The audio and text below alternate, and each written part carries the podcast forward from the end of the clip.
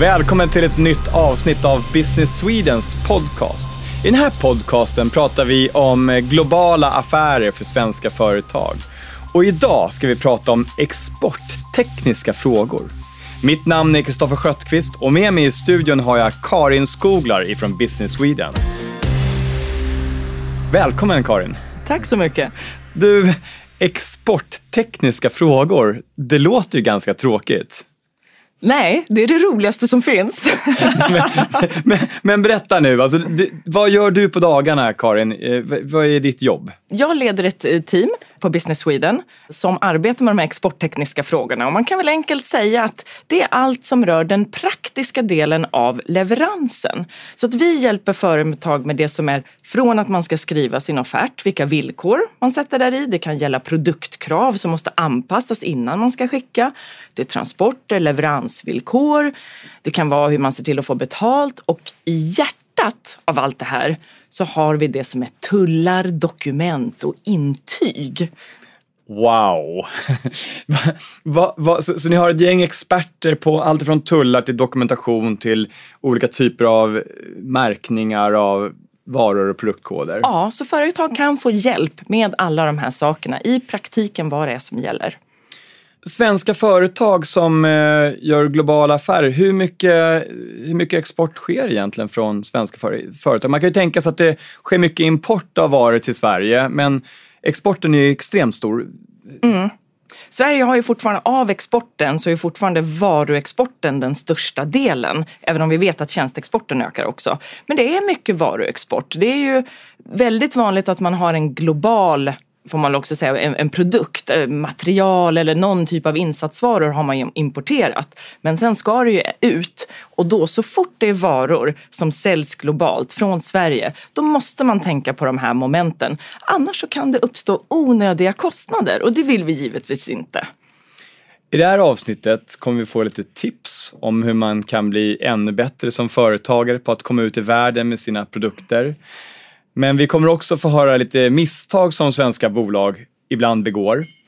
Ni får in nästan 5000 frågor på er chatt om året. Vad är det för typ av frågor som kommer in där? Mm, jag kan ta lite. Vi får ungefär 5000 frågor per år och det senaste vi har är ju vår chatt och där får vi faktiskt flest frågor nu för tiden. En vanlig fråga som vi egentligen inte tycker så mycket om är väl den här, vad ska jag tänka på när jag exporterar till land X? Brasilien till exempel eller ja. Mexiko eller? Mm. För då känns ju svaret så orimligt stort. Eh, men det är klart Jaha, du menar att, att det blir eh, för stort område, svårt att svara rakt av på den? Ja, för ju mer konkret det är, ju mer vi kan grotta ner oss mm. i lagar och regler, eh, desto lättare är det ju att vara precis. Så, och... så vad svarar ni på den här frågan? Om jag ställer frågan då, vad ska jag tänka på när jag exporterar till Argentina? Vad är, ja, vart blir jag hänvisad? Då har vi dels en jättebra guide på vår hemsida som heter Exportguiden, som är de här bra första stegen vad man ska tänka på. Där jag själv då fyller i olika... Ja, man kan läsa sig till vad det är man behöver förbereda och, och vad det är som gäller och de olika momenten. Sen vill man gå ett steg längre och läsa exakt vad som eh, gäller för Argentina. Då har vi en guide också som heter Skeppningshandboken. Eh, men ett allmänt tips som jag tycker är väldigt bra, det är företag, det är att hålla koll på vilken varukod man har för sin produkt. Man brukar säga HS-kod, tullkod, varukod eh, och som egentligen är ett internationellt system som beskriver då vilken vara du har och vilka regler som gäller för den. Så att utan varukoden eller HS-koden, då är det svårt för oss att hjälpa till också.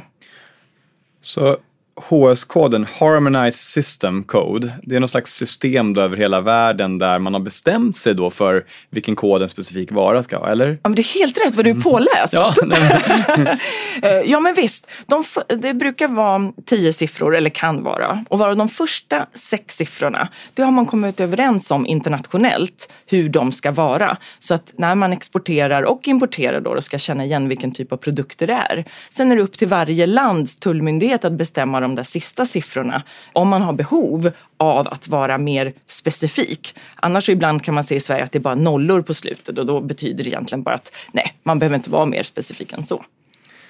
Karin, vi ska snart prata mer om eh, exportregler och globala affärer.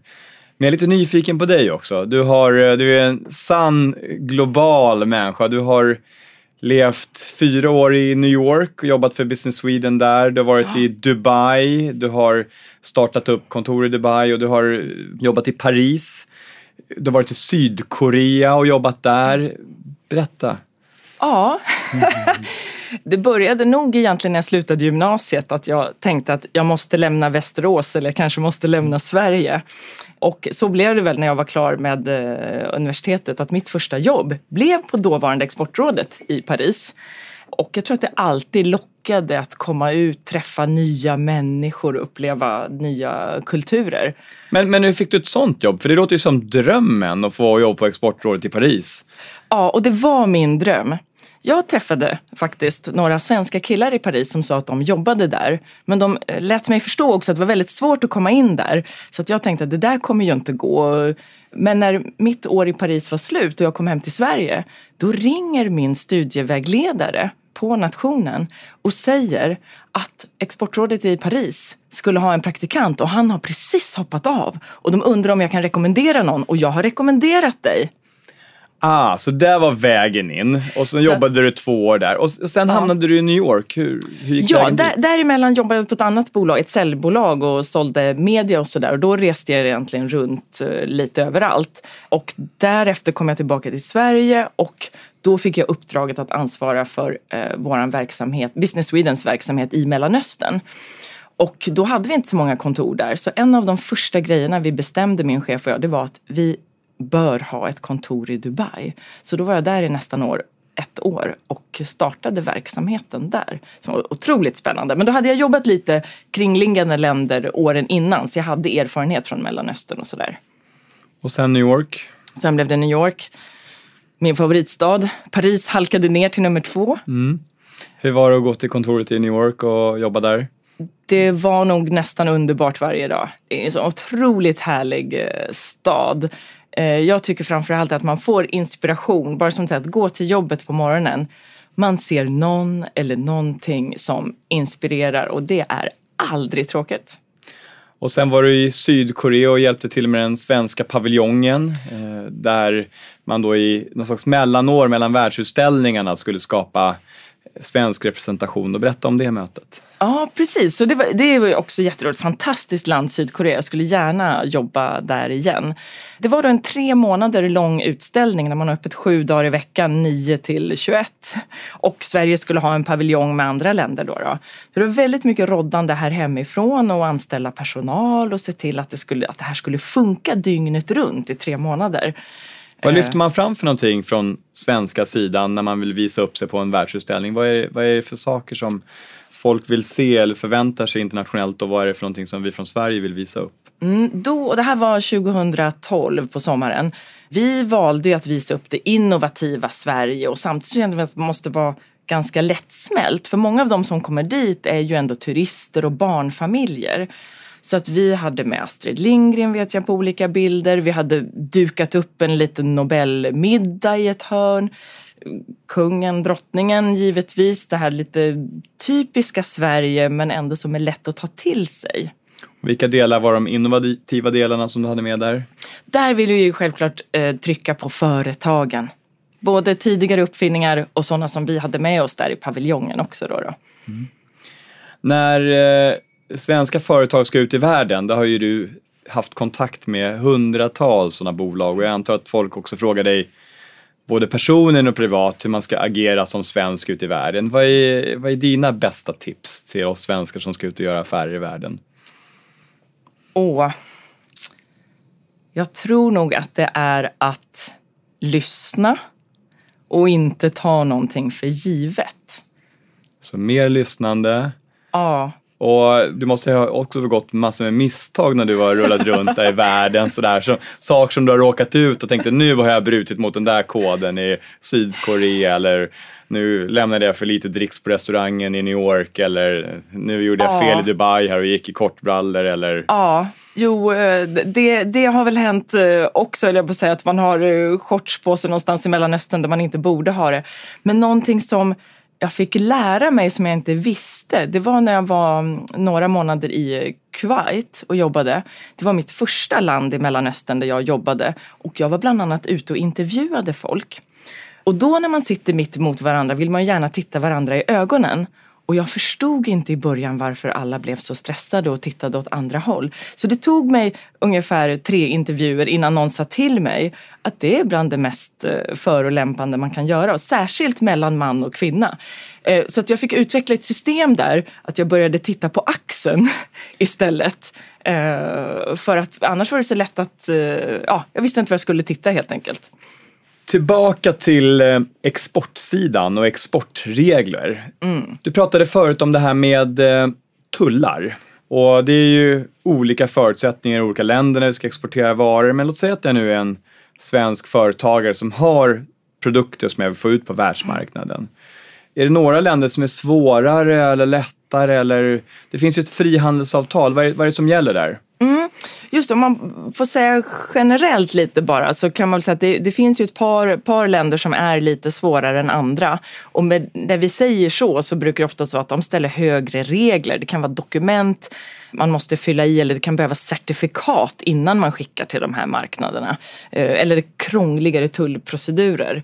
Vi pratar ju mycket nu om att folk vill från svenska företag vill komma in i Indien och Kina såklart. Extremt ja. stora marknader. Ja. Hur, vad ger ni för råd där? Ja, och då kan vi säga att de två tillhör väl inte de lättaste då. då. Till exempel eh, eh, Kina ställer ju väldigt höga krav på importen. Man är ju expert på att skydda sig och vill absolut inte ha in någonting som man skulle kunna göra själv eller sådär. Som ett exempel så hade vi här för några år sedan ett företag som ringde in till en kollega och sa att han hade sålt en container kakel till Kina. Nu stod containern i hamnen i Shanghai och det hade visat sig att det krävdes någonting CCC och han undrade vad det var. Och då tyvärr fick vi informera honom att det är en eh, märkning. Det är China Compulsory Certificate Mark, en säkerhetsmärkning som kostar väldigt mycket. Så det är inte nog med att man behöver skaffa sig den här märkningen innan man skickar sina varor, utan den kostar väldigt mycket också. Så att tyvärr fick ju den här ägaren, säljaren, med den informationen fick han helt enkelt ta beslutet att dumpa varorna där i Kina. Och det är inte bara kostnaden för att det han har tillverkat och han har fraktat dit det, utan sen blir det också kostnader i hamnen och anlita personal för att ta hand om de här grejerna. Så att om vi kan få vara med och förhindra att sådana här onödiga eh, kostnader uppstår så är vi jätteglada. Och den här märkningen är ganska dyr vet jag. Kan det till och med varit så att de kanske hade fattat beslutet innan att inte ens gå på export till Kina eftersom den här märkningen kostar mer än vad ja, kanske kaklet kostar tänkte jag säga. Ja, jag är ganska säker på det. Hade de fått informationen innan och, och jag förstår dem, det är inte helt uh, uppenbart att kakelplattor behöver en säkerhetsmärkning. Men hade de fått reda på informationen innan så tror jag nog att de hade sålt det här kaklet till något annat land som inte har lika strikta regler. Man eh, får ju höra skräckexempel ibland från affärer där svenska bolag har förväxlat en eh, kommapunkt med en eh, punkt, eller komma och punkt. Mm. Och det har varit affärer där man har förlorat hundratusentals kronor i dokumentation och offerter. Är det här skrönor eller, eller stämmer det här? ja, jag har inte varit med om det själv, men särskilt från när jag jobbade i USA. Eh, det var ju alltid debatten här, är det komma eller punkt och vad betyder mm. det, det egentligen? Så det, det har säkert förekommit, det skulle inte förvåna mig. Andra tips som ni ger till företag som vill exportera ut? Mm. Du var inne på det lite tidigare, vi pratade om, om frihandelsavtal. Och där är ju någonting verkligen som vi uppmanar svenska företag att se över sin export och kolla om det finns frihandelsavtal man kan använda. Och nu är det klart, säljer man till många länder kanske man inte kan kolla alla. Om, har man bara små försändelser kanske man inte tycker att det är värt det. Men jag vill ändå rekommendera till företag att välja ut en eller två marknaden som är viktigast för er och kolla upp. Det är ganska, alltså, man kan googla till mm. exempel. Men vet du, jag läste en undersökning från Kommerskollegium att eh, 50 procent av svenska företag känner inte till frihandelsavtalsreglerna och vilka tillfällen de kunde utnyttja det. Nej, jag har läst det där också och eh, det är baserat på ett eh, antal företag som har intervjuat och jag hoppas att det är fel. men, men det kan säkert vara så. Jag tror lite nu tack vare att det är mycket debatt om eh, handels, ja det är väl lite för mycket att säga krig, men vi har presidenter i USA och Kina som uttrycker sig väldigt starkt, så hoppas jag att det här har blivit lite mera på tapeten, att företag mer känner till det här. För det är ju Sverige har inga egna frihandelsavtal utan det är ju EUs frihandelsavtal som gäller för oss. Och det är ganska lätt att förstå att eh, har vi frihandelsavtal så antingen så sänks tullarna eller de elimineras helt och hållet. Så att, till exempel har man 10% tull på sina varor idag, vem vill inte kunna säga till sin kund att här får du köpa och du slipper de här 10 extra procenten. Så EU räknas som en egen region här och annars när man ska ut utanför EU så handlar vi i andra avtal? Ja, och det man brukar skilja på, för det är ganska stor skillnad egentligen då, vi säger EUs inre marknad. Där har vi ju mycket lättare handel. Det är ju som man kan säga, det är en slags frihandel. Det är ju inga tullar och det är just inga dokument som krävs. Det är fakturor och lite transportdokument kanske. Och i viss eh, eh, momsen är någonting som man måste hålla koll på. EU har ju ändå momströsklar, så där finns det lite. Men sen är det ganska klart. Det är inte produktkrav man behöver anpassa eller någonting sånt där. Men däremot, då går vi utanför EU, då är det tredje land och där då ska man se om det finns frihandelsavtal. Vad gäller när man exporterar produkter till Norge? som inte är med i EU? Nej, vi får faktiskt ganska många frågor på Norge och väldigt ofta är det just om det här med momsen.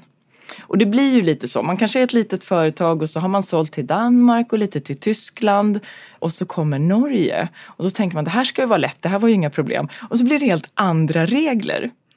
Ett annat eh, land som verkligen påverkas mer eller mindre nu, det är ju Storbritannien genom Brexit. Ja, eh, tyvärr. Vad, vad, kan du säga något kort om det? Ja, men visst. Och som du också vet så, så vet vi ju inte exakt vilken lösning det kommer bli där. Vi hoppas ju på någon form av lösning. Men jag tycker att det viktigaste är det man tänker på där då. Det är ju helt enkelt att då är vi ju inte inom, Storbritannien kommer ju lämna tullunionen. Och då betyder det att när vi säljer till dem framöver, när, när det har gått igenom, då måste vi se det som export till tredje land och då kommer det bli tullformaliteter. Det blir helt enkelt mer administration man måste ta hand om.